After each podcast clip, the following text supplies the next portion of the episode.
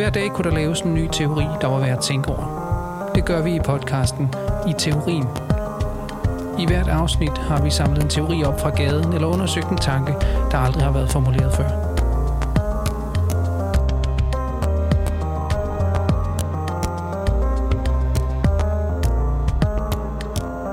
Men det ved jeg ikke, skal vi... Altså, er der et eksempel at starte med? Øh, nej, det er der jo så egentlig ikke andet nej. end, at øh, det er en øh, teori om, hvad guilty pleasure egentlig drejer sig om, og en teori om en forskel mellem, en, mellem det, man, altså, det, vi kender som guilty pleasures, og så det, vi måske vil kalde shameful pleasures. Mm. Øh, en forskel mellem fornøjelser, som man på en eller anden måde godt kan sådan, øh, håndtere og artikulere og udstille, altså igen guilty pleasures, og så på den anden side øh, nogle, nogle fornøjelser eller nydelser, som er øh, skamfulde og som ja. har en, simpelthen har en anden karakter. Og det, mm. i virkeligheden er det bare den sådan lidt simple skallen, som vi, øh, som vi skal prøve at folde ud og lave en teori om, og se hvor fører hen. Ja, og hvis man skal skære det fuldstændig ud i pap, så kan man sige til at starte med, jo bare den lidt underlige kobling, at du overhovedet kan tale om fornøjelse og skam og fornøjelse ja. og skyld som, sådan, som et begreb på en måde. Mm. Øhm, altså at, at, de ikke, at det ikke udsletter hinanden, eller at, hvordan, kan du blande, hvordan kan du blande skam ind i fornøjelse og stadigvæk tale om en fornøjelse? Fordi sagen er jo, at det bliver ved med at være en fornøjelse, altså at en guilty pleasure jo netop også er en form for pleasure. At det bare er en måde eller en modus, som nydelsen kan, eller som fornøjelsen kan antage. Ikke? Mm. Øhm, og det virker jo en lille smule kontraintuitivt, hvis man ja. tænker over det, at, øh, at man skulle kunne forestille sig en skamfuld fornøjelse. Ja, men måske skal man bare lige dvæle lidt, en lille smule ved det. Altså, der findes guilty pleasures, simpelthen. Altså, det er jo... Vi har vel alle sammen små fornøjelser i løbet af dagen. Altså, der er ting, der er fornøjelige at gøre. At spise mm. til mad, eller at have en god samtale med en kammerat, eller hvad det nu måtte være, ikke? Men så er der bare det der med, at at skyld kan flette sig ind i det, og på ja. en måde ikke på nogen måde altså ødelægge den fornøjelse. Tværtimod, i en vis forstand, forstærke den. Altså, ja, lige præcis. Altså, jeg har for eksempel noget med at på et tidspunkt begynde at se øh, meget sådan NBA-basket. Mm. Og, og det er sådan, altså, du, og jeg kan jo sige det ret direkte til, at mm. det er også en anden øh, dimension af det der guilty pleasure. Det, det er sådan set ikke noget, der på den måde er sådan helt... Det er ikke helt, noget at over. nej, egentlig ikke, mm. altså. Øh, men, men, men alligevel på en måde, altså det er en skyldig fornøjelse alligevel, ja. ikke? Og, men der er også en, en nydelse i at indrømme den, eller en pleasure i at indrømme den skyld, eller sådan noget. Så hvad er det egentlig? Men altså det der med, nu, altså hvis man forestiller sig, at, at vi var sådan nogen, der var meget intellektuelle og læste øh, mm. tunge værker og interesserede os for, for, for den slags, at så virker det sådan lidt, når man at sidde og se NBA-basket ud på natten og sådan mm. noget, det virker jo sådan lidt... Øh, som et tidsspor et eller andet sted. Hvorfor, hvorfor det er, sådan, det, det er lavt, eller det er, det er bare en dum fornøjelse og sådan noget, ikke? Men alligevel er det sådan en guilty pleasure, og hvis jeg siger det, altså sådan, i nogle sammenhænge, så kan det også have sådan lidt øh, vitaliserende effekt. Nå, okay, nå, ja. det er da spændende. Ja. Øh, det gør der også lidt mere menneskeligt, eller et eller andet, ikke? Det, det giver lige sådan en eller anden ekstra lille dimension. Og det er også som om, jeg jeg viser på en måde, jeg blotter lige en lille smule af, hvem jeg er, fordi vores nydelse siger jo meget om, altså psykoanalysens pointe er, at den siger alt om, hvem vi er, ikke? Men, mm-hmm. men her der får man bare sådan en lille, sådan en lille glemt, sådan en lille ting, som interesserer mig åbenbart, og som jeg sådan ja, lige bringer kan ind. Kan man ikke også så sige, at ja. der er en forskel på, på det, vi vil kalde skyldig eller guilty pleasure, og så en skamfuld, eller noget, man shameful pleasure, altså noget, man skammer sig over, at, at uh, lige præcis den guilty, den skyldige der, det, det er den der, den der lidt charmerende overskridelse, kan man sige. Altså det er sådan noget, det er lidt meningsløst, og det er lidt uh, fjollet og sådan noget, men det er samtidig, som du siger, det er udtryk for en eller anden form for personlighed. Altså, man, man bliver til nogen, kan man sige, ved, at man ikke bare er den, der sidder på kontoret og gør sådan og sådan, men så har man også den der lidt mærkelige hobby, eller den der lidt mærkelige tendens, eller man gør nogle bestemte ting hver dag, eller et eller andet. Mm. Og så kan man sige, jamen det, ja, det er godt nok det er sådan lidt en guilty pleasure, jeg har. Jeg bliver ved med at gøre sådan der.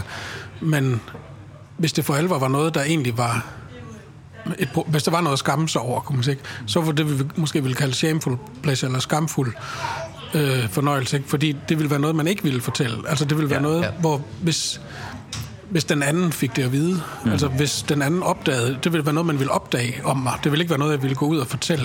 Nej. Men noget, man ville opdage, og, og så ville jeg føle skam over det. Men skal vi, ikke, altså skal vi ikke lige prøve at blive lidt... i- Og det er rigtigt, og det er der, vi på en eller anden måde skal have lavet en, en skælden der, ikke? Men hvis vi lige bliver lidt i den der guilty pleasure, altså hvad er den så? Hvad er det, der gør den guilty? Og hvad er det, der gør den endnu mere øh, fornøjelses, nydelsesfyldt mm. ved, at den er guilty? Ikke? Hvad er det for noget? Fordi Der er jo et niveau af der- viden der også, ikke? Altså, fordi det handler også om at vide, hvorfor at det er skyldfuldt. Altså for eksempel, som du siger, du havde en helt rationalisering af, hvorfor at NBA-basketball ikke var i overensstemmelse med din, med din Ja, jeg identitet. tror, altså det jeg ville frem til der var, at der ligger jo allerede en anerkendelse af, at fornøjelser og nydelser er hæftet ind i det, vi vil kalde den anden. Altså det lidt banalt sagt, det sociale felt som sådan, ikke? Og i det sociale felt er der forskellige distinktioner. Altså, øh, ja, det kan man køre en Pierre Bourdieu-analyse på og sige, at nogle grupper interesserer sig for, øh, for fodbold og fadøl og hvad ved jeg, og andre grupper interesserer sig for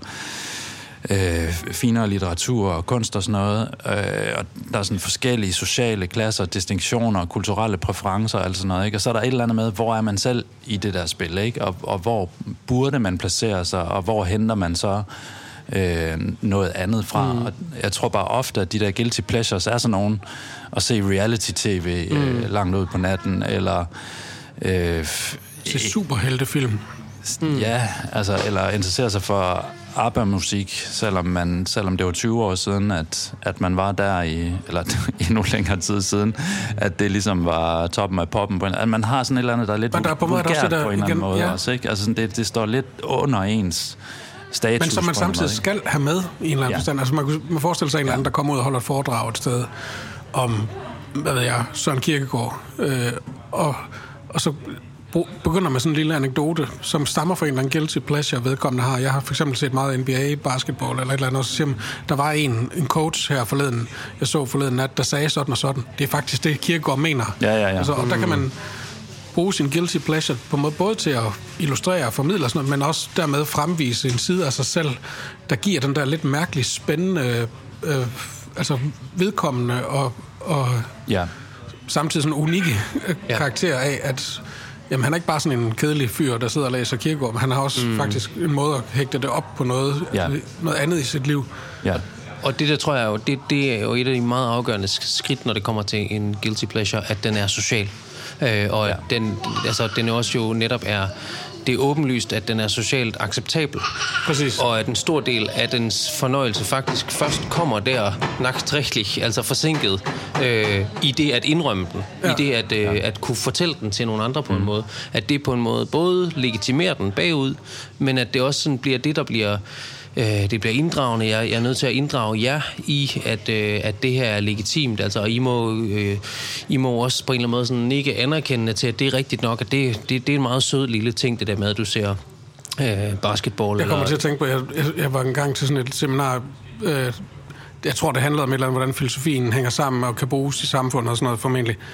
Og der var en, der, en af oplægsholderne, der kom så og, og ville bruge pornografi. Jeg kan ikke huske, hvorfor pornografi mm. egentlig var et tema, men det, hvad det præcis handler om. Men han lavede den åbning, lidt ligesom det der med Kierkegaard foredrags- foredragsholderen, der taler om NBA og en lille anekdote og sådan noget, men startede med at sige, jeg ser utrolig meget porno, og et eller andet med, at det, det gør alle jo i virkeligheden, eller sådan, og det, for, det faldt til jorden simpelthen. Ja, Ja, det- det, blev ja, virkelig, blev skamfuldt i stedet for. Ikke? ja. Der, der, der overskred han grænser, som han havde håbet, netop var den der sådan friske, Ja. sådan lidt private, Jeg har oplevet noget som I jo nok ved. Ja.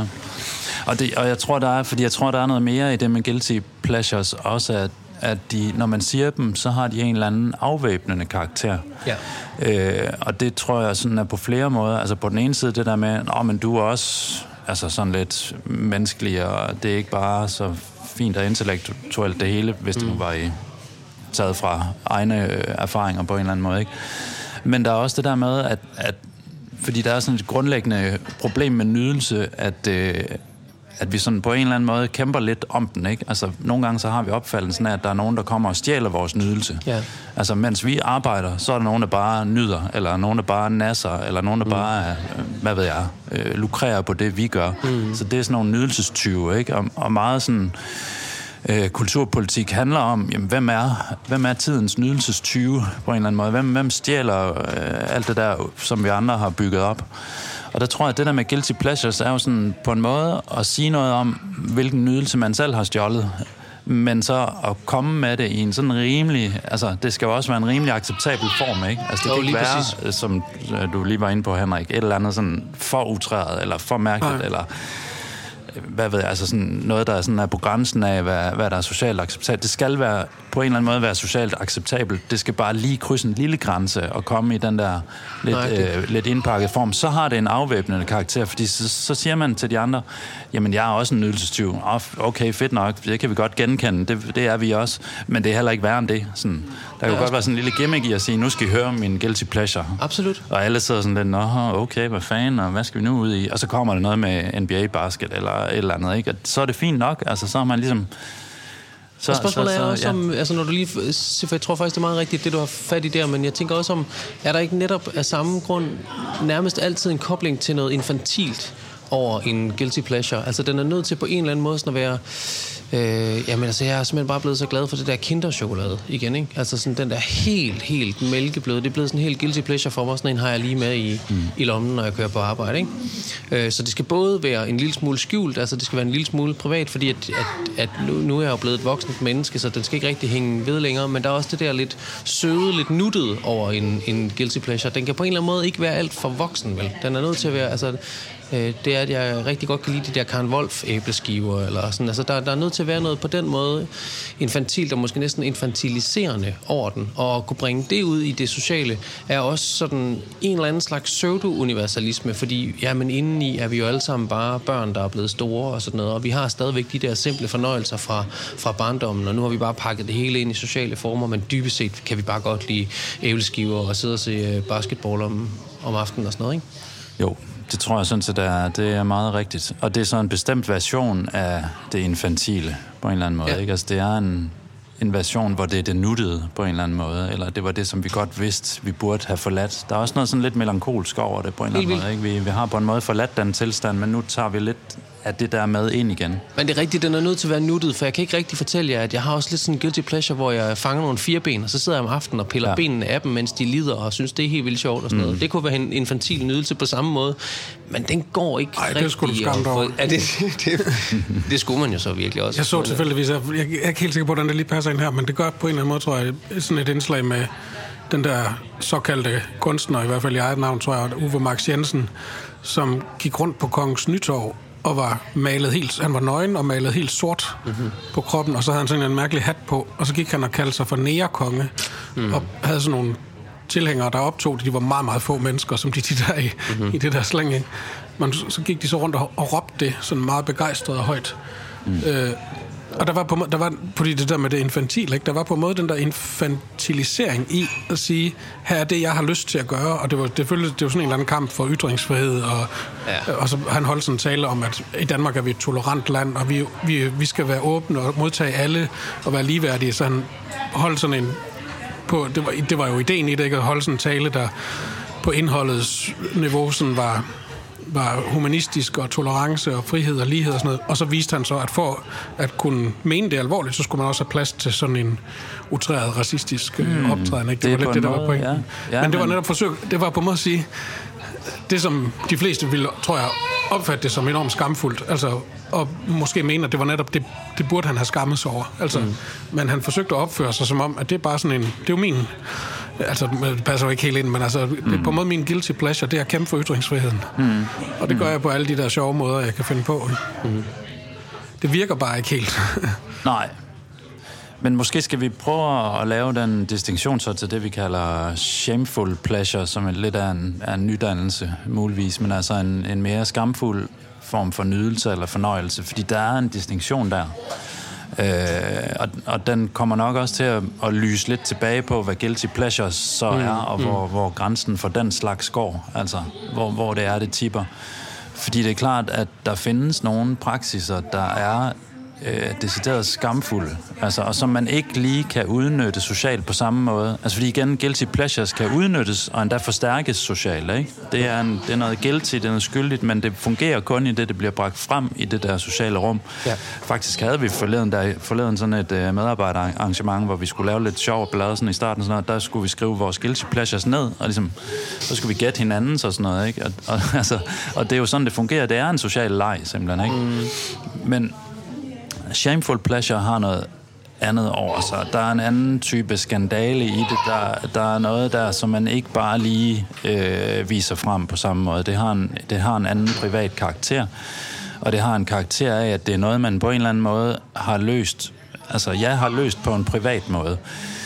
Psykoanalysens store bud der er jo seksualitet, eller det seksuelle. Ja. At, at, vi på en, at vi står i et forhold til det, eller et på en måde, at vi står i et ikke-forhold til det. Mm. At der er noget der, vi simpelthen ikke kan øh, få styr på. Og det er ikke bare, fordi det er kaotisk og polymorft og sådan noget. Det er, fordi der er noget grundlæggende øh, uforståeligt i det, som melder sig som eller som registreres som det ubevidste. Altså noget, vi bliver ved med at kredse om, eller som registreres som symptomer. Symptom, øh, symptomer som måde at strukturere det der på, altså underlige øh, handlinger, eller hvad kan man sige, øh, handlemønstre, vi har, som, som strukturerer det der for os, at vi ikke rigtig fandme kan finde ud af, hvad, hvordan vi gør det. Og det er ikke, fordi vi ikke, det seksuelle ikke findes, og det er ikke, fordi det ikke udspiller sig alt muligt. Mm. Det er bare det, at det struktureres på baggrund af at være noget, vi ikke rigtig kan få, øh, få greb om, faktisk. Mm. Ikke?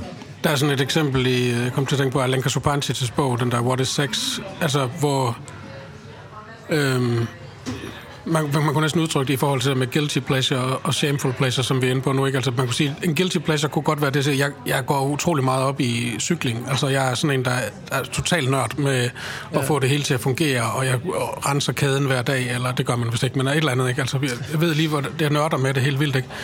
Og så det der eksempel, hun kommer med, ikke? At, at hvis der er en, der man kommer hjem til en og åbner skabet, og så vælter der sådan 100 cykelbomber ud, ikke? så vil man sige, der er et eller andet helt galt her. Ikke? Og jo. det har noget med seksualitet at gøre. Altså det for at forklare, hvad seksualitet netop er i psykoanalysens ja. forstand. Ikke? Det har noget at gøre med hele vores måde at være konstitueret på som subjekter, og ikke nødvendigvis med genitalier eller et eller andet med seksualiteten kan sagtens melde sig i vores forhold til cykelbomber, så bare det, vi samler dem, simpelthen kan man sige. Men der ja. kunne man godt sige, en guilty pleasure, det er det der med at være en cykelnørd, ikke? som fremviser, altså der er en, en filosof, der hedder Esben Schøring, som er politisk redaktør på Altinget nu, ikke, som er blevet nærmest berømt for hele tiden at skulle tale om sin cykelfetish i det mm. program, som de laver hver uge, deres podcast. Og det ender altså med, at i weekenden skal han ud og køre det og det cykelløb, og han går, og har fået en ny cykel, sådan og sådan, ikke? og folk er sådan en, man er træt af at høre om det. Men det er tydeligt, det er sådan en guilty pleasure, ikke? Altså, og det kendetegner ham også. Altså, han er sympatisk og sød og sjov, og, og det er han virkelig også, men altså, blandt andet giver han det udtryk på den måde. Ikke? Men hvis det viser sig, at han så havde 200 cykelbomber hjemme i skabet, ikke, så ville det pludselig blive skamfuldt. Ja, klart, og det er jo, altså, i forhold til den der selskabslejr, jeg lige nævnte, så var det jo ikke det eksempel, jeg skulle have med ind der. Altså, Nej. Jamen, min guilty pleasure er at samle på cykelbomber ja. og have dem hjemme i skabet. Ja, altså, der, hvor, vil hvor mange blive lidt, der vil blive lidt stille altså, rundt omkring bordet, ikke? Altså, mm okay, hvor skal vi lige placere det, eller mm, hvad handler det om? Altså, der på en måde er næste skridt briksen, ikke? Altså, mm. den psykoanalytiske briks, for at finde ud af, hvad fanden er det, der er... Men det er måske også en anden distinktion så her imellem, imellem skylden og skammen, når den mm. kobler sig til, til fornøjelse. Nemlig at, at en guilty pleasure, eller en, en skyldfuld fornøjelse, på en måde har det kørende for sig, at den foregår på alt for simple præmisser. Altså, jeg kan bare godt lide den der jordbærkage, ikke? Mm. Altså, det er meget enkel præmis, og det er næsten, ja. som du siger indledningsvis, Brian, det er næsten sådan under mig. Jeg, jeg burde have en mere kompleks fornøjelse end det, men, men det er så enkelt som det. Jeg mm. elsker bare jordbærkage, altså. Mm. Øh, hvorimod, at den skamfulde fornøjelse kobler sig til noget, som foregår på alt for komplicerede præmisser. Jeg kan faktisk ikke, jeg kan simpelthen ikke forklare, hvorfor. Jeg ved ikke engang selv, hvorfor fanden jeg har alle de cykelpumper hjemme i skabet, men jeg har en eller anden underlig fornøjelse ved, og når jeg ser sådan en i en genbrug, så jeg kan ikke lade være med at købe den. Ja. Øh, så jeg kan, så jeg kan faktisk heller ikke forklare over for mig selv, og jeg, derfor kan jeg heller ikke bruge det som en guilty pleasure, fordi hvis jeg siger det, er det for, for åbenlyst, at der er et eller andet her, som, som jeg ja. slet ikke selv er i øjenhøjde med. Men jeg kan sagtens være i øjenhøjde med den jordbærkage, og det kan jeg godt lide, mens jeg ser NBA. Ikke? Altså. På en måde er der bare sådan et overlappende felt, og det er jo, altså, tingene er altid mere sammenkoblet, end når vi prøver at stille dem op sådan lidt analytisk på den måde. Men, altså, jeg er helt med på det der, ikke? Men, men der er bare et eller andet med for eksempel en, en livret, Hvorfor, har man, hvorfor er ens livret øh, øllebrød med flødeskum, for eksempel? Mm. Ikke? Hvor, fanden kommer den? Hvor, hvor er den blevet installeret? Hvorfor kan man godt lide jordbærkage? Ikke? Mm. Hvor kommer det fra? Det er en fantasi, der er blevet installeret på en eller anden måde. Den kan så for så vidt godt bringes frem som en guilty pleasure på en eller anden måde. Den, den sådan, hvis du bare lige serverer den på den måde, at det er da skørt, men jeg kan virkelig godt lide ølbrød med flødeskum, selvom jeg også går på Noma og interesserer mig for finere madkunst. Mm. Så kan den, den er sjov nok at lige bringe ind. Mm. Men der er også noget med, med livretten, som griber ind i, i det skamfulde, nærmest ikke set fra en lidt anden vinkel. Altså hvis jeg nu skal have den der øllebrød øh, hver anden dag, eller, og det behøver ikke engang at være så ekstremt, men, mm. men alene det bare at overveje, hvor fanden kommer den fantasmatiske struktur fra? Hvorfor er jeg sat? Hvorfor er, er jeg kontingent sat på den måde, eller hvorfor er min singulære måde at være til på, sådan at den på en eller anden måde, altså at, at den livret står som sådan en, en signifiant for mig, sådan ja. betegner sådan en eller, et eller andet, jeg kredser om, ikke? Hvorfor er det sådan? Det skulle da egentlig Altså hvis man lige talte lidt længere om det, end bare sagde det sådan ind i en selskabslejr, så, så begynder vi at nærme os det skamfulde et eller andet sted, ikke? Jakob Martin Strid har den der sådan en, øh, en børnebog, han har sådan en uh, historie om en eller anden pirat eller sådan et eller andet, der elsker biksemad, og sådan biksemad til morgenmad, biksemad til middagsmad, biksemad oh, til aftensmad, ja. biksemad til natmad og biksemad til fodbad. Præcis. Og så der, der, der, der, tager vi på en måde lige det sidste skridt der, ikke? Altså, så, så, bliver det for meget. Hvis man tager fodbad i øllebrød, ikke? Så, så, så er det ikke længere bare en guilty pleasure. Nej, men det er, det er måske lige præcis overgangen, ikke? Fordi jeg er bare vild med biksemad. Det er virkelig blevet min guilty pleasure. Jeg skal hjem og lave det lige om lidt. Mm. Jeg skal også have det i aften og sådan noget. Jeg spiser bare hele tiden. Det er virkelig min guilty pleasure. Men hvis jeg fortæller jer, og så om aftenen, så, så sidder jeg lige og ser en film og stikker fødderne ned i piksemad der, så, ja. så er der helt klart en underlig barriere, der overskrides. Og det er selvfølgelig mm. også der, hvor jeg mener, at der er noget i i, uh, i en guilty pleasure, som, som, mm. som faktisk allerede er hævet ud af det sociale. Den er på en måde startet ude i det sociale, og, og der kan man se forbuddet som sådan et hyggeforbud, man har overskrevet. Ja. Derfor er der også en, en slags... Altså, det er en pseudo-bekendelse på en måde, man, mm, man kommer med. For den skal selvfølgelig være, den skal være forhåndsgodkendt i det sociale. Den er legitim på forhånd, ikke? Øh, og derfor jo, er der du, du har ret i, at du, sagde vist før noget, under, der er en form for retroaktivitet i det, ikke? Mm. Altså, på der, der er lige den der lille usikkerhed. Ligesom ham der, der troede, at, at han ser porno. Det er på en måde en guilty pleasure. Det viser sig, at den der retroaktive ja. godkendelse kom så ikke i virkeligheden. Altså, mm. Mm. Så den har der lille moment af, nu fortæller jeg lige den her hemmelighed om mig selv, ja. men man gør det som regel ud fra sådan en ret sikker forvisning ja. om, at det er godkendt. At den kan sanktioneres ja. tilbage af den anden, ikke? Ja. ja. Jo. Og netop virke som, som en form for opfyldelse. Altså, og man kan også sige, noget af det, de eksempler, vi snakker om, handler jo også om kontrol i virkeligheden. Ikke? Altså, at jeg ved selv, hvad jeg gør, og jeg har styr på det, og jo og jeg lever op til det, som den anden forventer af mig. Ved det, netop at gøre den der lille smule excess. Lige præcis, og det tror jeg faktisk er vigtigt, Henrik. Fordi at, at det netop så er spørgsmålet om at sige, at her, det jeg fortæller med min guilty pleasure, er, at jeg blotlægger det her sidste private punkt, som, ej, det skulle I ikke have vidst, det er helt mm. hjemme under dynen, men der kan jeg altså godt lide at spise ja. chokolade eller et eller andet. Ja. Og det er selvfølgelig lige præcis det, der, der bliver, en, der bliver pseudobekendelsen i det, som om, at nu udlægger jeg det, som er min underlige private partikularitet, men det, som den jo lige præcis skal dække over, er den underlige private partikularitet. Ja. Ja. Øh, men så tror og, og her kommer vi ind i øh, næsten sådan forskningsspørgsmålet i dagens øh, afsnit her, eller i det her afsnit, ikke? Fordi øh, man kan sige, at med guilty pleasures, øh, der, der er der sådan en eller anden historisk ramme, der måske gør sig gældende over for, hvad der kan tælle som, eller en social historisk ramme, hvad der kan tælle som guilty pleasures, som kan sanktioneres i en given situation, ikke? Øh, det er vel omskifteligt. Altså på en måde kunne man næsten lave den tese, at der er blevet større og større rum for guilty pleasures i og med øh, kapitalismens fremmars, fordi den har virkelig brug for øh, at vi har ekstremt nuanceret og individualiseret på et vist punkt i hvert fald guilty pleasures, som kan øh, tages i alle mulige retninger. Jeg kan godt lide NBA, men ikke bare NBA. Altså, Stand in, out to fit in, som man siger. Ikke? Ja, ja, præcis det der. Ja. Altså, sådan, der er helt sådan nogle små distinktioner, hvor man sådan kan nørde endnu mere ind i sin guilty pleasure. Det, det er jo sjovt at fortælle de andre og sådan noget. Ikke? Så kan man nørde om det, men så der er sådan en socialhistorisk ramme omkring det. Mens de der shameful pleasures måske mere har sådan og det er spørgsmålet, altså om de er øh, næsten absolute i en anden forstand. Nu, nu siger vi seksualitet for eksempel, ikke? altså psykoanalysens bud på, øh, hvor der er noget grundlæggende ontologisk, øh, og næsten sådan ontologisk skam knyttet til det, det er det seksuelle, ikke? Fordi det er, det er, en, det er et forsøg på at formulere, næsten som en, en filosofisk øh, doktrin, øh, hvad det er, der, der plager os, og hvad vi på en eller anden måde grundlæggende er skamfulde overfor.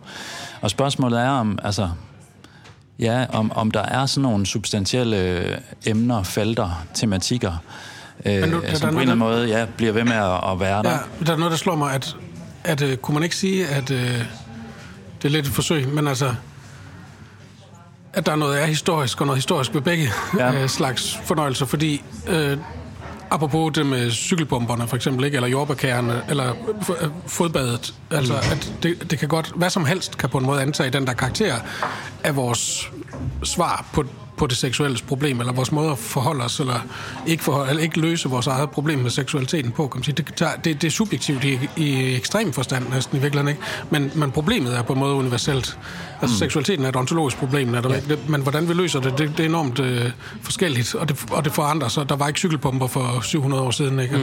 Men altså, men, men kunne man sige noget retning af, at på en måde, øh, at øh, guilty pleasures har at gøre med den anden, mm. og hvad den anden sanktionerer, og hvad den anden øh, kan øh, man kan sige, billige og give os tilladelse til af små overskridelser, sådan noget, som vi på en måde forventer, så alt det der, vi snakker om. Men seksualiteten på en måde har at gøre med den andens mangel. Ja. Altså, at det er det, at den anden ikke Ja. hænger sammen, Ja. som vi selv råder med. Og det ved vi ikke, hvordan vi skal løse, og der bliver vi ved Nej. med at købe cykelpumper. Ja, og derfor kan det ikke ekspliciteres. Fordi det kan du ikke få lov til at eksplicitere, Nej, uden at, netop. at, at noget i den anden også falder. Altså, så du Ja. kan sige, øh, en guilty pleasure er helt sikkert ideologisk understøttende. Netop. Øh, den lapper alle de der små huller. Altså sådan, så, så det underlige ved det mig er, jeg kan sammen, lide... faktisk. Ja, ja, det gør det virkelig. Mm. Og, og det er jo der, der er en... Altså, vi har nævnt Alenka Supancic og hendes bog om seksualitet og ontologi, men, men den er selvfølgelig ret afgørende i den her sammenhæng. Øhm, altså, Alenkas påstand er, at der er en dyb forbindelse mellem det seksuelle i psykoanalysens forstand, og så ontologiske spørgsmål om, jamen, hvordan væren i det hele taget hænger sammen. Øh, hvordan noget er og ikke er, og sådan nogle ting, ikke? Øh, og det seksuelle er altså en, indgangs, en original indgangsvinkel til nogle af de her spørgsmål. Øh, og, og problemet med, med det seksuelle, altså hun har i sin bog den der øh, sådan lille, der er sådan en lille passage, hvor hun siger, vi kender godt, øh, vi kender godt enhjørningen. Øh, Vi ved, hvad det er for noget. Vi har en idé om, hvad det er. Men der er bare aldrig nogen, der empirisk har set en, en, øh, en enhjørning. Altså, mm. den kan ikke identif- identificeres ligesom i den empiriske realitet. Alle ved, hvad det der, er. Ingen har set det. Ja, præcis. Men det er lidt omvendt med det seksuelle. Altså, det, det er sådan set empirisk overalt omkring os, og, Og det udspiller sig.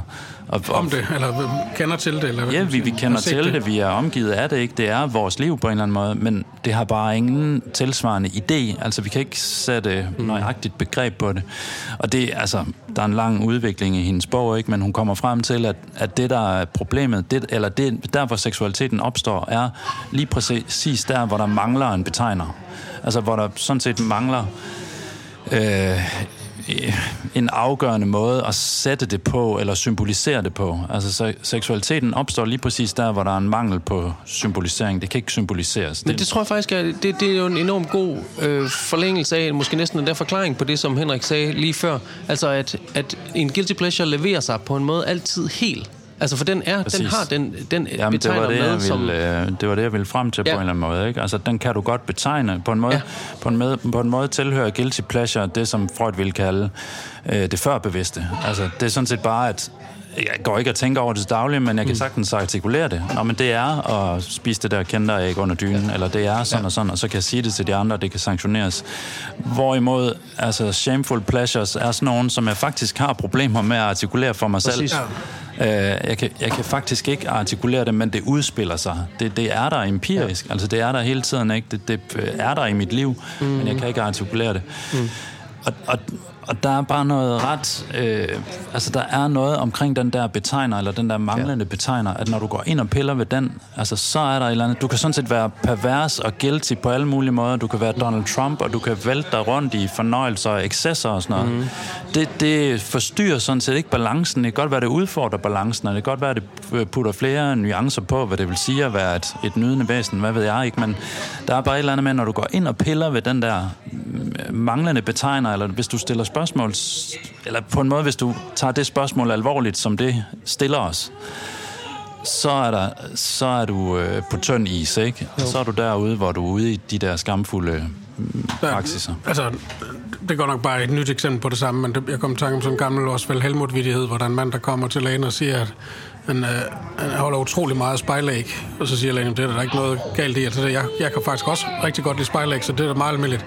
Nå, vil de så ikke have et, et af mine, siger han, så jeg har 17 kufferter herude med spejlæg. Ikke? Altså, og, og, på måde, det der er ved de der 17 kufferter med spejlæg, det er, at der er ikke noget, der er ikke noget svar på, hvorfor har du 17 kufferter fyldt med spejlæg. Det, det kan man ikke forklare simpelthen. Altså, mm. det er en måde at fremvise en eller anden form for uendelig repetition, som ikke giver nogen mening, men som man på en måde heller ikke... Altså, man kan, man kan, jo, man kan godt give et rationelt argument for, hvorfor det er dumt at, at bære rundt på 17 kuffer, der er fyldt med spejlæg, ikke? Men, men, men det seksuelle har præcis den der karakter af, at der er noget, der bliver fremvist ved umuligheden af at give en fornuftig afslutning på. Men det er netop det. Det, vi ja. gør. Ja, lige præcis. Men nu synes jeg også, at vi faktisk nærmer os en helt anden præcision, som jeg tror er ret vigtig, fordi man kunne måske umiddelbart få den tanke, at så det er fordi, at først har vi at gøre med de, vi kaldte dem nuttede eller cute transgressioner, sådan, jeg kan godt lide at spise kinderæg under dynen, mm. øh, og, og det er fint nok, men så er der også noget, der bliver for meget. Så er der også et sted, hvor det bliver for, for vildt eller for ekscessivt. Eller sådan. Men det er faktisk ikke det, der er ubehaget. Ubehaget er faktisk nærmere netop den underlige øhm, ikke helhed, mm. som ens nydelse kan præsentere sig med. Fordi det går fint, at jeg siger, at øh, jeg elsker bare at spise sådan en, øh, en øh, jordbærlavkage der øh, hjemme om aftenen. Faktisk så spiser jeg nogle gange tre og fire. Mm. Okay, det, vi- det kan vi sagtens strække ud. Det er ikke fordi, på et tidspunkt bliver det for ekstremt. Men hvis jeg så til sidst siger, og så inden jeg går i seng, så går jeg lige ind, og så bytter jeg om på sofapuderne. øh, hvad? Hvorfor? Det, det er helt underligt ubehageligt. Og det er ikke fordi, at det er ekscessivt i en anden forstand, men det er fordi, det er meningsløst. Ja. Eller fordi, at det, det præsenterer sig ikke som en sådan, ej, hvor hyggeligt, det gør jeg også. Ej, hvor er det sjovt, du siger det, det elsker jeg også at gøre. Ja. Men at pludselig kommer, der, altså pludselig kommer spørgsmålet med, for det er helt tydeligt, at jeg heller ikke selv forstår, hvorfor i verden, at det også skal til. Det er Øh, meget skært. Og nu, Heidegger har på et tidspunkt, han, han citerer sådan et, øh, et, et digt, gammel, nu kan jeg ikke huske, hvem der har skrevet det, en eller anden gammel klassisk digter, øh, hvor, hvor øh, den vigtigste sætning, det er den der, rosen er uden hvorfor, altså de rose est ohne warum. Mm-hmm. Altså, og, og det er for Heidegger sådan et, et, et eksempel på, hvordan man kan lade væren fremtræde bare som væren, uden at skulle noget med det. Ikke? Men man kan sige, den uhyggelige bagside af den der rose der er uden hvorfor, det er netop det, man bytter om på puderne. Man ved egentlig ikke rigtig hvorfor, og man kan ikke forklare hvorfor. Der er ikke noget hvorfor i, i det. Der, eller der er kun et hvorfor måske i virkeligheden, altså, men der er ikke noget svar. Så er der måske, altså måske er der øh, i virkeligheden en dybere politisk kamp på det, på det ontologiske niveau, som ikke rigtig tilhører guilty pleasure-niveauet. Jeg kom bare lige til at tænke på et andet eksempel. Der er jo tusind eksempler på det her, men den gamle Monty Python-vise med The Lumberjack, som øh, synger sin vise om, hvordan han er en rask øh, mm. tømmersvend, der går ud og fælder træer i skoven og sådan noget. Og så er der kor, så er der Das Mann, der synger ja. bagved, og han går He's ud i skoven og fælder træer. okay. Ja, lige mm. præcis. Og, og så bliver det mere og mere utræet. Han går faktisk også, øh, viser han, så går han ned og tager, hvad er det, i, i Monty Pythons version er det lidt andet. Jeg kender kun Tager en fra... dametøj på, tror jeg. Gør han ikke? Eller... Ja, fordi de nattergale lavede nemlig sådan en fordanske Ja. ja. version, hvor han går i Åh, dame ja. undertøj og sådan nogle ting, ikke? Og, og koret til sidst, så, så står de lidt og kigger på hinanden. Mm. Det, det kan vi ikke synge med, det forstår vi ikke helt. Og, og det er der, der, altså, det er jo der, der er et eller andet politisk moment i, øh, i den skamfulde nydelse, som ja, på en måde for den der lumberjack, som synger sin vise, så, er den måske ikke, så har han måske været igennem den og mm. øh, har accepteret den, og øh, det fungerer fint, at han er lumberjack, der går i dame undertøj, ikke? Altså, den, eller bytter om på puderne, fordi mm. det er, ja, fordi der ikke er noget, fordi det er meningsløst, men han gør det. Altså mm. på en måde er han kommet dertil, hvor han kan gøre det, hvad ved jeg. Mm. Men hvordan, øh, hvordan får man... Altså, det er jo også en politisk øh, position på en eller anden måde, ikke? At der på en eller anden måde kan være plads til det, det lyder måske lidt forkert. Der er masser af plads til guilty pleasures, ikke? Altså, der er ikke andet end plads. Men er der ikke også, det, det, det på er hele måde, er der ikke på også en en måde historisk samfundet. pointe i det så alligevel at sige, at, at der på en måde er der hele tiden, ideologien hele tiden forhandler, øh, eller i hvert fald er åben over for forandringer i forhold til, hvor grænsen går imellem guilty og shameful pleasures. Så, Ja, det kan man måske sige, ja. At gå i dametøj, bogstaveligt talt ikke for mænd, Ja. det er ikke helt så skamfuldt, som det har været engang. Nej, altså, men, der er selvfølgelig mm. stadigvæk... Øh, altså, der er stadigvæk nogle fronter der og sådan noget, ikke? Helt selvfølgelig Men- masser, men- ja. og masser af problemer, men, men bogstaveligt talt måske Monty Python ville måske ikke have lavet den sang Nej. i dag. Det ville nok måske have været om noget andet, ikke? fordi Klart. det ville ikke være helt så åbenlyst, at Ja. komi- hvor i komikken bestod egentlig. Nej. Mm. Nej, og du kan og også det- sige, hvor altså- spæringen ligger, eller hvor skylden ligger. Fordi hvis du for eksempel fortæller, at sådan, jeg kan simpelthen, altså, om fredagen på arbejde, jeg ved godt, jeg, jeg burde ikke, jeg går lige, jeg lister mig lige mm. øh, ind på kontoret, så drikker jeg en øl derinde for mig selv. Mm. Der er ikke andet til det, det er bare lige det, og så går jeg hjem igen. Havde du fortalt det for 40 år siden, det så havde jeg slet ikke kunne forstå, Hvad mener hvor- du? Det gør vi da til frokost. ja, ja, præcis. Ja, så, så du kan i hvert fald sige, at skylden eller forbuddet for- flytter sig jo også med rundt, og derfor nydelsen ved okay, men så har vi så ikke? det, som Brian havde fat i med det her historisk, ikke? så kan man sige, den ja. anden forandrer sig. Det, som kan lukkes ind i den anden, Nøjagtigt. for at holde den anden sammen, forandrer sig. Men det, der, den er historiske kerne i det, forbliver den der mangel, Ja. som den anden ja. ikke vil være ved, kan man sige. Ja, jeg tror, det at gå ind i den zone, måske mest af alt. Altså, måske kan man godt slå et slag for det at, at holde den zone åbent. Altså, at man, man tør gå der ind på en eller anden måde. Altså, det her, hvor vi talte også om, inden vi gik i gang, at sådan kritikken af intellektuelle, der går ind i det der Michel Foucault, eller øh, ja, Lacan for den sags skyld, eller hvad det måtte være, det at, at gå ind i den zone, hvor tingene bliver skamfulde, eller hvor, hvor, der, hvor man stiller nogle spørgsmål til den der grundlæggende organisering af, hvad der tæller som nydelsesfuldt, eller hvad der er nydelsesfuldt. Altså det, det er på en måde, altså det, det ja, det er, ikke, det er ikke altid en farbar vej, simpelthen. Og heller ikke, altså slet ikke akademisk heller, vel? Altså der er ikke sådan på den måde plads til det, eller den, den type af tænkning, eller den type af undersøgelse er der, er der ikke nødvendigvis plads til. Men det er måske, altså, det er måske en, en frontlinje der. Jamen, der har jo været sådan nogle... Øh, der kommer her til, vil jeg næsten sige, nogle sager stadigvæk om de franske intellektuelle i, i 70'erne især, ikke, som, som bliver anklaget for pædofili, og i hvert fald sympati for pædofili, fordi at de netop stillede, stillede den slags spørgsmål af, hvor går grænserne egentlig for, hvad det sociale felt eller kulturen anerkender og burde anerkende, og har unge for eksempel ret til en seksualitet, og har de ret til at udtrykke den? Betyder det også, at de har ret til at indgå i seksuelle forhold med ældre øh, mænd, for typisk, ikke? Øhm, og bliver det så til et forsvar for pædofili? Og så, der kan man sige, det at beskæftige sig intellektuelt med spørgsmålet om den politiske ordens kontingens, og hvordan den seksuelle lav eller har ændret sig igennem historien, og hvad der taler for det ene og det andet, homofobi eller racisme eller et eller andet. Ikke? Altså, at den slags spørgsmål bliver tit til noget, hvor netop den intellektuelle beskæftigelse med det på en måde, man kunne næsten bliver skamfuld i en vis forstand, eller i hvert fald bliver set som noget, der skal udskammes, fordi måske kunne man sige, at det bevæger sig i nærheden af at ramme det der punkt, hvor den anden mangler. Altså, mm. og mm. det er det, vi ikke vil have. Altså, mm. så vil vi på en måde hellere lade som om, der ikke er noget problem. Ja, Det er simpelthen nærmest det, er jo det, der ikke kan indrømmes. Altså, det er jo det, der ikke kan gøres som en indrømmelse i det sociale felt, uden at det sociale felt forandres. Mm. Altså, og derfor kan vi forestille os alle mulige typer af guilty pleasures, som kan pakkes ind, eller som i hvert fald kan, som Brian siger, enten sanktioneres eller valideres af, af, den anden på en eller anden måde. Ikke? Øhm, og, og som er det, der understøtter selve fornøjelsen, og altså, ja, som Foucault ville sige, altså den, den største fornøjelse for os moderne mennesker er at tale om vores fornøjelser, ikke? Mm-hmm. Øh, og ikke mindst om dem, som vi på en eller anden måde pakker ind som værende skyldige. Altså mm. det bedste i verden, det ville dog være, hvis du kunne gøre det en lille smule forbudt, det her jeg nyder i forvejen, fordi så er det dobbelt så, så nydelsesfuldt, ikke?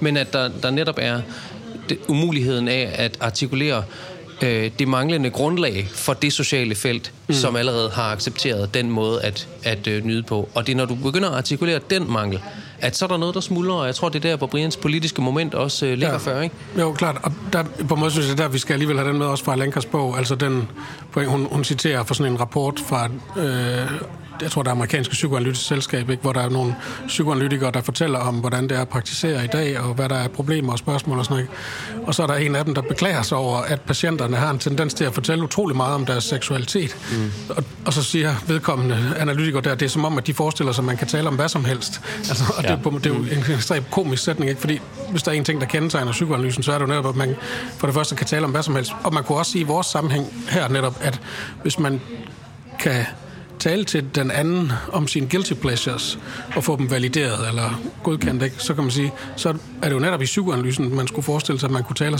om- sine shameful pleasures og få Ja. dem bearbejdet. Eller, Ja, men helt sikkert. Ja, og det var det, jeg, det var det, jeg famlede efter, men fik sagt på en lidt uklar måde. Ikke? Altså, det er egentlig det space, det er egentlig den, det rum, der er brug for til den undersøgelse der, at det kan tillade sig at eksistere. Altså, jeg tror, jeg læste en bog af Katrine Marie Gullager på et tidspunkt, der hedder Lysgrænsen, som handler om hendes psykoanalyse, hvor noget af det sidste, hun siger, det der med, det, det hun var mest bekymret for i at gå ind i psykoanalysen, var, om der var nogen, der ligesom kunne altså, kan jeg sige det her til nogen? Altså, ja. og, og hvad sker der? Altså, falder analytikeren ned af stolen og græmmes over det, jeg har at fortælle? Ja. Og opdagelsen var, det gjorde vedkommende ikke. Altså, det var det rum, hvor det kunne siges. Ja. Altså, hvor den skamfulde øh, nydelse, man, man selv har fået organiseret for sig selv, kan fortælles, og dermed på en måde, altså dermed åbner man jo lige præcis også for den andens mangel. Altså, ja, ja det, det fordi det er jo det, der også er pointen, ikke? for det er jo netop ja. heller ikke fordi, at analytikeren så kommer og lukker den Nej, den mangel. skal netop ikke valideres. Den skal netop Nej. ikke valideres, Nej. og det er heller ikke, og derfor er en psykoanalyse ikke en empatisk proces, hvor analytikeren Nej. siger, det forstår jeg virkelig godt, og det har nok også noget at gøre med din barndom, hvorfor du nyder på lige præcis Nej. den måde.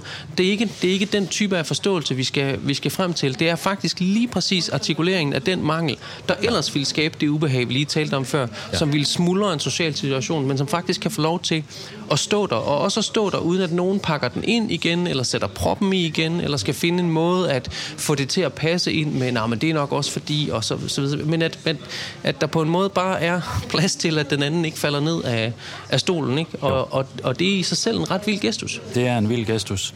Og det er måske der, så vi, vi sådan kan nærme os sådan på en måde til sidst, hvis vi, hvis vi er til sidst i det her øh, program, der, der er meget at sige, men altså, at der er en eller anden skallen mellem pleasure og, og øh, suissance, eller nydelse i mm. altså suissance i psykoanalysens forstand, at, at en ting igen er at have guilty pleasures, altså fornøjelser, vil man vel sige, som på en eller anden måde ja. kan sanktioneres. Noget andet er det der med nydelsen, som er fuldstændig grundlæggende altså i det psykoanalytiske vokabular, og, og også et meget tvetydigt felt, ikke? fordi nydelse kan virkelig pege mange steder hen. Det kan være, altså nydelsen kan være ekstremt lidelsesfuld. Mm. Der kan netop være en, eller den er næsten grundlæggende lidelsesfuld, ikke? Min nydelse er noget, der altså, jeg skal ikke nyde noget, som man siger. Altså, den, den er sådan, det skal jeg ikke nyde noget af. Nå, men den er lidelsesfuld i den forstand, at det er en måde, jeg øh, gøre ting på, eller organisere mit liv på, som også er, er lidelsesfuld for mig, men jeg kan ikke andet på en eller anden måde. Kirsten Hylgaard har også det der med, hvis bare jeg kunne ryge de cigaretter, jeg havde lyst til, men at desværre så er der gået nydelse i det. Altså det, det bliver for meget, der er et overdrev, der er en excess i nydelsen, som også tilvejebringer en eller anden passivitet i mig, for så vidt. Ikke? Altså den holder mig fast i mine øh, symptomer simpelthen. Og det er, når det bliver for ekscessivt, at man går i psykoanalyse. Men der er også noget andet ved nydelsen. Altså, den, den har også en anden dimension, fordi den åbner os for øh, metafysik, fandme, og altså det, at verden egentlig kan laves om, det at, at den anden mangler sådan set. Altså, nydelsen er det der uregerlige moment. Du, du, der er ikke mere at vide om den, og der er, ikke noget, der er ikke mere at forstå om den, andet end at den knytter sig til det der meningsløse punkt i en selv, at man kan flytte rundt på sofabuderne, for eksempel, ikke? Men, men det er så, det er på en måde, jeg ved ikke, om jeg kan formulere det bedre, end at det er så underligt. Så det kan også på en eller anden måde bruges øh, politisk næsten til at ændre virkelig sådan, til at ændre noget i verden selv, ikke? Jeg kan sidde og tænke på, jeg, jeg beskæftigede mig en lille smule med den der norske øh, ungdomsserie, der var for en del år siden efterhånden, der hed Skam. Og hvor man kan sige, på en måde en af pointerne i den, apropos altså Gullers fortælling, som du sagde, Brian, ikke? Altså, at en af pointerne i skam, tror jeg, man kan sige, det var på en måde, at, at skam skal afvikles. Altså, at der er en meget, for eksempel en meget, meget rørende scene, hvor en af de unge fyre der går og bærer på en hemmelighed. Altså, han er blevet kærester med en anden ung fyr, og han skammer sig utrolig meget over det, og han, han er bange for, at hans venner vil afvise ham, og håne ham og sådan noget for det, og så sidder han med sin bedste ven og spiser frokost sammen, ikke? og så siger jeg skal fortælle dig noget, jeg er altså blevet forelsket i en og sådan noget. Nå, hvem er det her? Er det hende, eller er det hende? Og så nej, det er det ikke. Og så til sidst siger det er altså en fyr og sådan noget. Nå, det er vel ikke mig, siger han så bare. Mm. Og den reaktion, han har der, den er så rørende, fordi at han har ikke, han har ikke tøver ikke et sekund mm. for at sige, hvad var det, eller er du, er du forelsket i en fyr? Sådan så han går bare videre i rækken, så, mm. i stedet for, at det var hende eller hende, og så var det, er det mig, eller var det, er det så ham der? Eller sådan noget. Og det er på en måde sådan et ideal om sådan et, en skamfri homoseksualitet. Ikke? Og det, alt ære værd, og alt sympati værd, ikke? Men, men der er den der specielle kobling i den serie, som på en måde, jeg tror netop, der er en vigtig pointe i det, at forældrene er fuldstændig fraværende i den serie. Og man kan sige, at i den forstand, så er det en serie, der ikke engang handler om at fremvise deres mangel i, i forhold til, til ungdommen og dens problemer og dens skam og dens øh, forhold til seksualitet og sådan noget. Men det er på en måde at forsøge at indstifte en ny form for anden, som er sådan de unges egne sin, deres egen anden, som er en, en ny version af en mangelfri anden, kan man sige, hvor der netop er, ingen, der er ingenting at skamme sig over. Og alle ved, hvem, hvem er, og hvordan det hele hænger sammen, og, og alt er ok og sådan noget. Man skal bare kunne tale om det og sådan noget. Ikke? Altså, så på en måde... Og det, jeg kom til at tænke på det, fordi når du nævner den der med, med Gullers pointe om at, at kunne fortælle noget om det, der egentlig er det mest skamfulde ved en, det, der sker efter, at man har gjort det i psykoanalysen, det er jo formentlig ikke, at man så får det konverteret til en eller anden form for guilty pleasure, som man så kan gå ud mm. i samfundet med. Altså skammen bliver der i en vis forstand, og, og nydelsen, nydelsen kan ikke bare gøres til sådan en, en politisk korrekt form for nydelse. Altså, der, nydelse er defineret ved at være ekscessiv eller transgressiv. Ikke? Altså, og hvis man forestiller sig sådan et fællesskab af unge, der har lavet deres egen politisk korrekte norske version af et tolerant samfund, så vil der være et andet sted, den excess sat sig i cykelpumperne eller et eller andet. Ikke? Altså, og det er det, det, det, det moment af, af seksualitet og, og, og, og skamfuldhed, Ja. øh, vender tilbage i en eller anden forstand. Det er jo her, der også er, der er jo virkelig, altså, og det skal vi måske næsten reservere et, et ekstra øh, program til, ikke? Altså kobling mellem etik og nydelse, eller noget af den stil, eller mm. sådan mere generelt. Altså fordi, der, der er et spørgsmål om den terapeutiske beskæftigelse med nydelsen og nydelsesproblematikker, og det der med, når der sætter sig nydelse i et symptom, og hvad gør man, og når det bliver for ekscessivt og de der ting, jamen så, altså psykoanalyse er jo et bud på, hvad man, hvad man gør der på en eller anden måde, ikke? men man lærer på en måde at håndtere det på et, på et personligt plan, kan man sige, ikke at blive sine skamfulde dæmoner øh, ikke kvitt, men altså få dem på en eller anden måde bragt frem i lyset, så man kan danse med dem et eller andet sted. Ikke? Men, men så er der det der med, om der i nydelsen er et ekstra gear, eller en, altså en, en, noget, der på en eller anden måde har det der forandrende potentiale. Men hvornår er så det? Eller hvornår skal man gå fra øh, at skamme sig til på en måde næsten... Det er jo ikke skamløst, altså det er jo heller ikke det, men hvornår, hvornår kan man veksle den der skamfuldhed, der ligger i, i nydelsen til noget andet, eller til en åbenhed i den anden selv, ikke? eller i det sociale Jo, selv, nøjagtigt. i, øh, i politikken selv. Hvornår kan man det? Hvornår kan man bruge den der ekscessive ekstra energi til at putte ind i et, i et genuint politisk progressivt projekt, for Men- eksempel. Ikke? Jeg ved, det, er- og det er sådan lidt nogle grove måder at Jo, formulere men- det på, tror jeg, men, men Det er da god nok, men jeg, jeg, jeg tænker om, om... Jeg kan i hvert fald lidt tøvende så forsøge at, at formulere en kobling til det, som vi snakkede om lige før, for jeg tror faktisk, at, at det er der, hvor der er et eller andet i det der spørgsmål, hvorfor kan man ikke bare sige alting i en analyse? Hvorfor er det ikke, hvorfor er det ikke et, en bekendelsessted, hvor man bare kommer fra? Fordi selvfølgelig kan du sige, at du er nærmest empirisk, jo, du kan sige alting, og det er nærmest kontrakten, man laver med sin analytiker, det er sådan, her, her øh, vil jeg følge en hvilken som helst association, mm. og, og, øh, og ingenting er på en måde uden for, hvad der er genstandsområdet, eller genstandsfeltet for analyse. Men den store forskel er, jeg tror, det som som man kan mene med, at du kan sgu ikke bare slippe afsted med at sige hvad som helst i analysen, er jo netop, at det skal kunne gøres til genstand for analyse. Og det er der, hvor man sædvanligvis bare kan få lov til at konvertere noget til en guilty pleasure. Mm. Øh, eller Ja. at dække det ind under et allerede socialt accepteret, mm. øh, en allerede socialt accepteret form. Eller netop at ville øh, provokere den anden som en blotter på en måde. Øh, det, det er der også masser af eksempler på, altså at man, så smider man en slags bombe i, i en, i, til et middagsselskab, eller så fortæller man pludselig om øh, alt for eksplicit om ens seksuelle fetischer, eller sådan et eller andet, som, som skal gøre den anden usikker og akavet og sådan noget.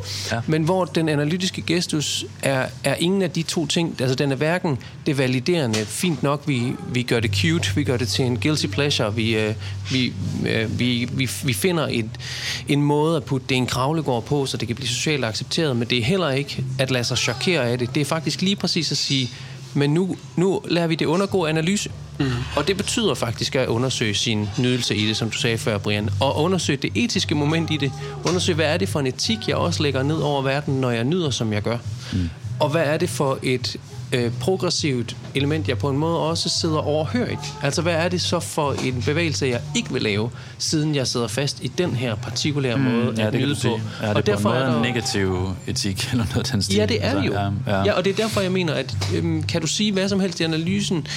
Mm, både ja og nej. Du kan godt få lov til at sige det, men du kan ikke, du kan ikke slippe afsted med bare at have sagt det. Mm. Altså, så skal der analyseres. Ja. Så skal der arbejdes med det. Og det er det, der er den store forskel. Det er derfor, det ikke bare er en bekendelsessession. Nej, fordi jeg var og nemlig lige ved at sige, og går igen. ja, det, altså. jeg tror, det er en god måde at sige det på, fordi altså, jeg var lige ved at sige, at der på måde, at, at psykoanalysen er sådan lige der i midtpunktet mellem forarvelsen og valideringen, ikke? og der er på en måde bare et nå.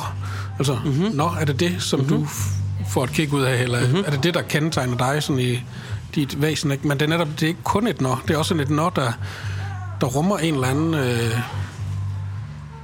altså, et, et, et, et krav næsten om, eller en, en ja, som du siger, at, at, at der er et analytisk arbejde, der faktisk, man kunne godt sige, en vis forstand er blevet gjort, når man kan konstatere, nå, mm. er det det, der får dig til at samle cykelpumper. Men, altså, men samtidig er der... Er det, men er der det, er vel også sådan en... Ja, undskyld. Nej, men det var bare for at sige, at det, ja. det er navnet, det er på en måde bare benævnelsen af noget, som har at gøre med hele den måde, man fungerer på. Det, det er at give det et navn, kunne man sige, som så gør, ja. at man måske kan, kan stille noget op med det. Og at man forpligter sig på det på en anden måde.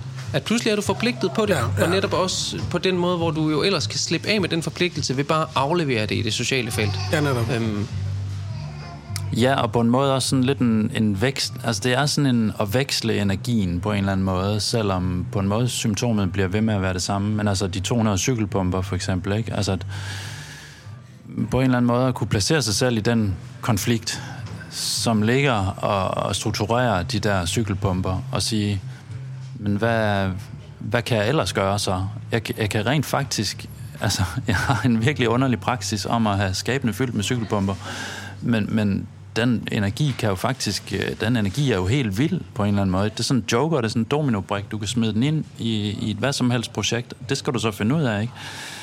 Jeg havde egentlig, så havde, så havde jeg lidt et andet eksempel, som, som på en måde også har, har ligget og rumsteret lidt i den her snak, nemlig et eksempel omkring det skamfulde ved læsning, som... Øh, ja, jeg ved ikke, om det sådan er så udbredt, men det er i hvert fald noget, som, øh, som nogen øh, kan opleve på nogle tidspunkter. At det der med at sætte sig ned og læse en bog, øh, det er sådan noget, det har man jo egentlig ikke tid til, og der er tusind andre ting, man skal gøre. Sådan noget.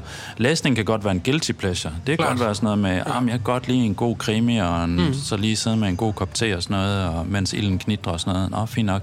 Men der er også noget, der kan også godt være noget skamfuldt ved læsning, især, tror jeg, hvis man, altså, især hvis det er drejet ind i nogle af de der spørgsmål, vi har været omkring, om den, det manglende grundlag for ting, eller en filosofisk øh, spørgen til, hvad ved jeg, altså til, til, til verdens manglende grundlag et eller andet sted. Tænk at sidde og læse om sådan nogle ting, ikke? mens at der sker alt muligt ude i verden, og vi har brug for klimahandleplaner, og vi har brug for at gøre alt muligt ved alle mulige ting.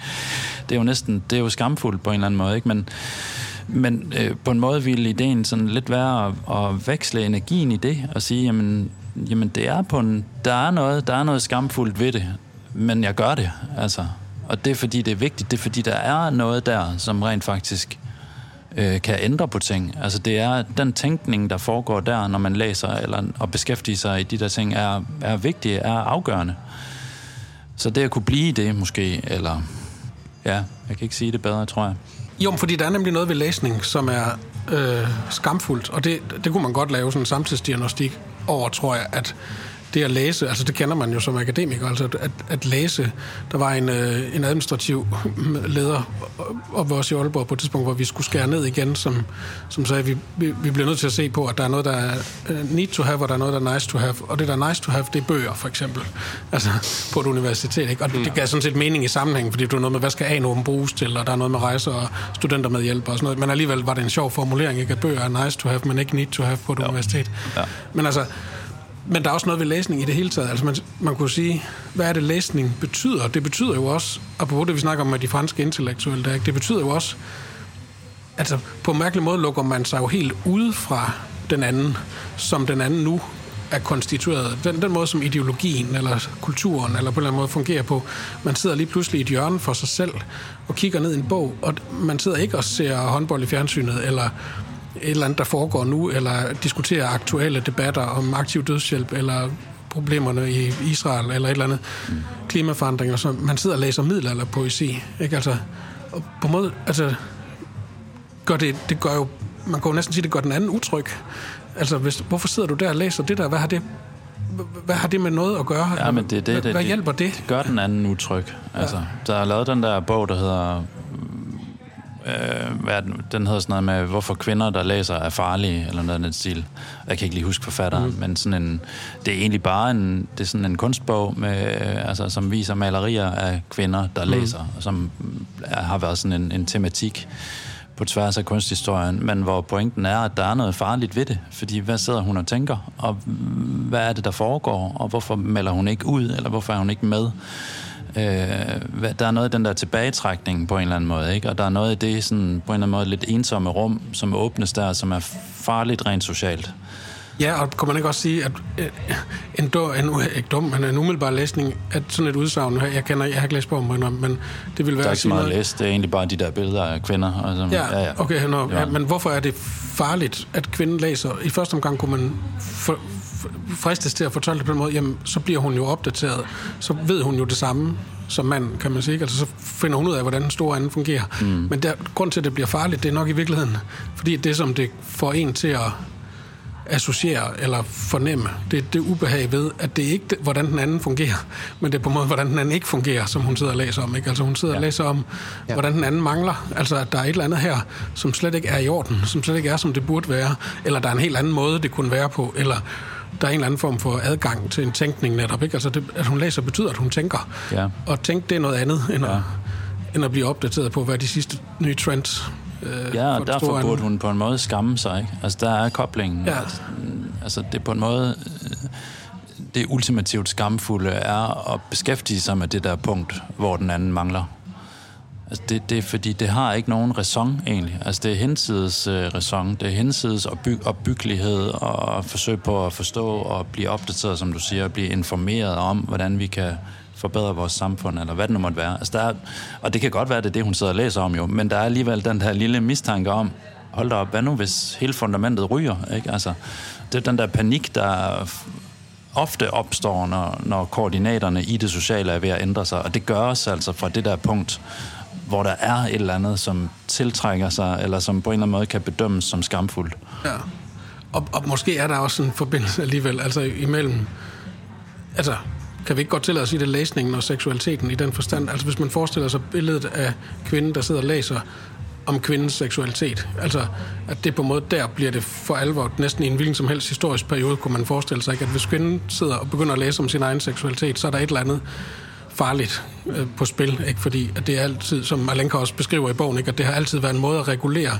samfundet på og bestemme kvindens position og igennem øh, den sociale orden, ikke? Altså, og har at gøre med kvindens seksualitet, og hvordan den skal reguleres simpelthen. Ikke? Øhm, så, og der er jo den forbindelse, kan man sige, mellem signifiangen og den andens mangel.